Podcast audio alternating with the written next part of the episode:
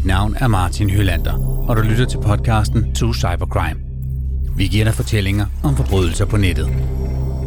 Det er blevet kaldt fremtidens krigsførelse mellem nationer, men cybercrimes er mindst lige så farlige for virksomheder og enkeltpersoner. Og en dag kan det også ramme dig. Derfor vil du i hver podcast også få gode råd fra IT-sikkerhedseksperter om, hvad du og din organisation skal være på vagt overfor, og hvad du kan gøre, hvis du kommer under angreb. Podcasten er sponsoreret af Atea, som er leverandør af IT-infrastruktur og sikkerhed. Afsnittet her er anden del af anden sæson af True Cybercrime.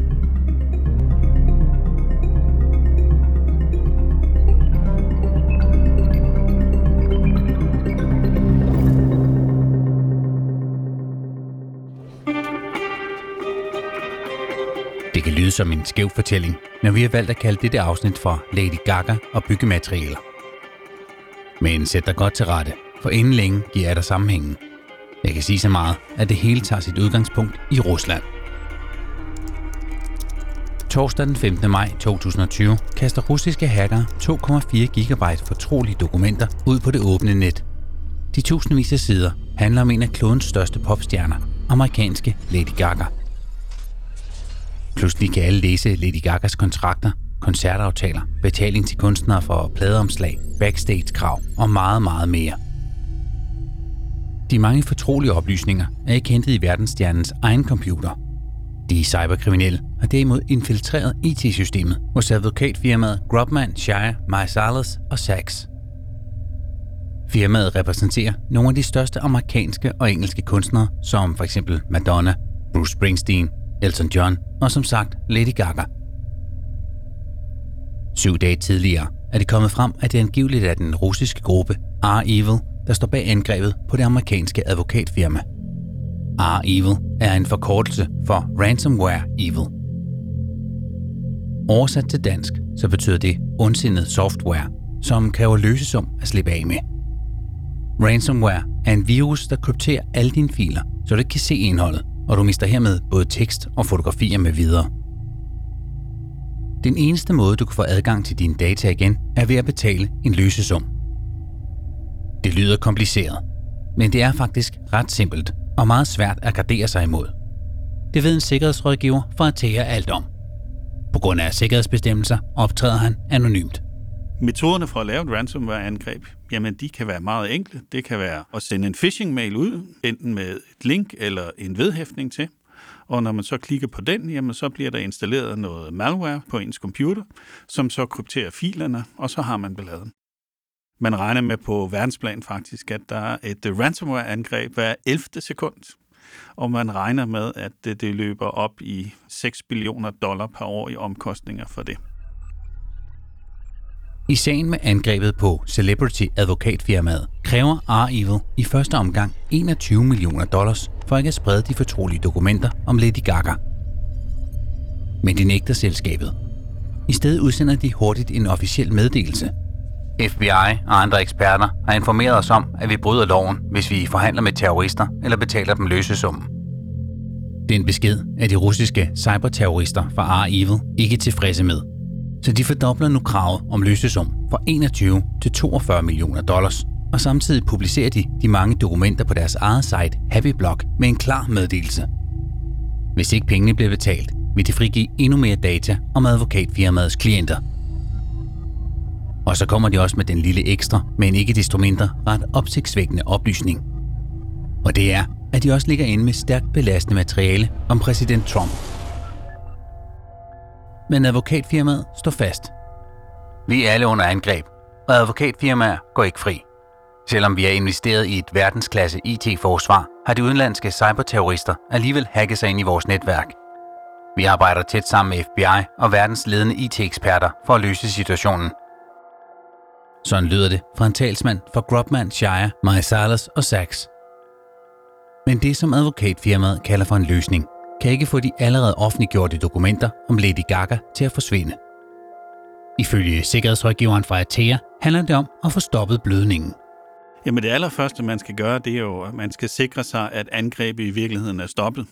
man skal finde det malware, som er skyld i angrebet og få det fjernet, men man skal samtidig også undersøge, hvor har de været henne i netværket? Er det ramt andre maskiner? Er der, er der andre mails af samme type?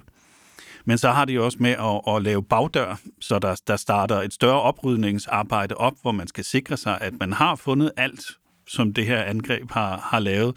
Man skal finde filer, man skal finde øh, kompromitterede brugeraccounts, fordi det vil de jo typisk også gøre, hvis det er lidt mere målrettet. Øh, så vil de finde øh, en admin password, og så vil de bruge det til at komme videre i systemet. I sagen om Lady Gagas hackede dokumenter nægter advokatfirmaet at betale. Hvor det er som om, at inddragelsen af FBI og andre amerikanske myndigheder får R-Evil til at trække stikket på deres krav. Til gengæld er der masser af strøm på alle andre af gruppens angreb verden rundt. Og det er et af disse angreb, som om et øjeblik flytter fortællingen til Danmark. Men først skal vi lige prøve at forstå, hvem, eller måske mere hvad, R-Evil er. Ingen ved, hvem der reelt står bag den cyberkriminelle gruppe, men der er blandt eksperter enighed om, at R-Evil har base i Rusland, og at de er en aflægger eller en udbryder af en anden kriminel gruppe kaldet GANCRAB. Teorien er, at de er fra Rusland, fordi gruppen kun angriber vestlige firmaer, stater og organisationer, og fordi at R-Evil går i aktion med det samme, efter GANCRAB lukker. Og som om det ikke er kompliceret nok, så er R-Evil ikke blot en IT-kriminel organisation. Det er også en ransomware, altså service-operation. Og det kræver vist en forklaring. Jamen, cyberkriminelle, de er jo forretningsfolk, og de finder på nye metoder at tjene penge. Og en af dem, det er at tilbyde deres ydelser as a service. Så hvis man gerne vil lave et ransomware-angreb, men man måske ikke er så, så teknisk kyndig selv, jamen, så kan man rent faktisk købe det af dem som en færdig pakke med øh, support og alt muligt til. Og det betyder så, at de har udviklet nogle værktøjer. Nogle gange så ser vi også, at de har kompromitteret nogle virksomheder. De har bare ikke gjort noget ved det. De har bare sørget for, at der er en åbning ind til dem, og så kan man købe det også. Så det er i virkeligheden, det er ransomware as a service, men det er også cyberkriminalitet as a service. Og så kommer vi til Danmark, til historien om byggematerialerne. Hvor et års tid senere slår R-Evil til. De trænger ind i IT-systemerne hos byggemarkedkæden Bauhaus. Det sker i weekenden den 18. og 19. juni 2021. Hen over weekenden låser R-Evil så at sige hele IT-systemet, fra mail og kundeservice til lagerføring og klik og collect. Og præcis som i angrebet i USA mod advokatfirmaet Grobman Shire, Marsalas og Sachs, så kommer den også som en stor overraskelse for Bauhaus. I dagene efter angrebet er Bauhaus-direktøren Mads Jørgensen meget åben om de massive problemer, som hans virksomhed står midt i. Mads Jørgensen udtaler følgende til Dagbladet Børsen. Du er stort set prisgivet over for de her angreb. Vi synes jo, vi havde styr på sikkerheden. Vi troede, vi havde købt Mercedesen inden for alt. Men vi skulle åbenbart have haft fat i en Rolls Royce. IT-sikkerheden har sin pris. Men for Bauhaus er prisen endnu højere, hvis man ikke gør noget. Og 30 eksterne IT-konsulenter blev tilkaldt for at være med til at genoprette de IT-funktioner, som de cyberkriminelle har låst. Og det skal gå stærkt, hver dag under angrebet koster millioner af kroner. Ifølge børsen omsætter Bauhaus for små 9 millioner kroner om dagen. Og den omsætning falder hurtigt, når man ikke kan sælge online eller opdatere sit lager, så kunderne ikke går forgæves i de mange Bauhaus-centre. Direktøren Mads Jørgensen sætter ikke tal på, men han maler alvoren op. Vi mister omsætningen lige nu, men hvad det løber op i, det har jeg ikke noget bud på. Jeg kan bare høre på eksperterne, at det er en stor regning, der kommer ud af det her. Alt dette her fortæller Bauhaus-direktøren til offentligheden i juni måned. Og så kommer han med den sidste, ret opsigtsvækkende oplysning. Bauhaus går nemlig med seriøse tanker om at betale løsesummen til Arrival, så de igen kan få adgang til deres IT-systemer.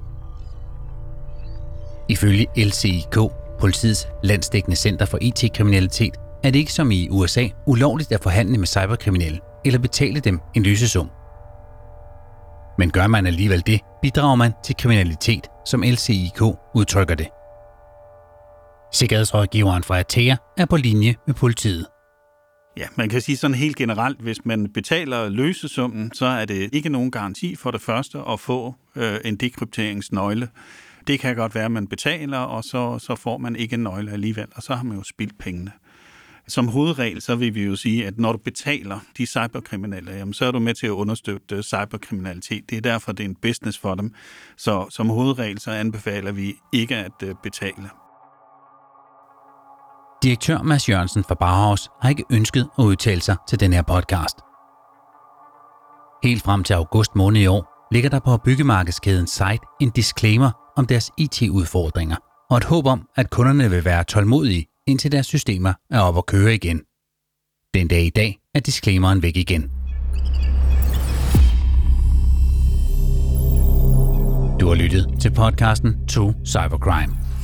Podcasten er sponsoreret af Thea og er produceret af Heartbeats. Marta Winter er redaktør og lyddesigner. Mit navn er Martin Hølander, og det er Thomas Stockholm, som står bag idé, research og manuskript. Gå ind på atea.dk-cybercrime og få gode råd til at beskytte dig selv mod IT-kriminalitet. Og gå ind og lyt til flere afsnit af True Cybercrime. Du finder os på Spotify, iTunes, heartbeats.dk og atea.dk-true cybercrime. Tak fordi du lyttede med.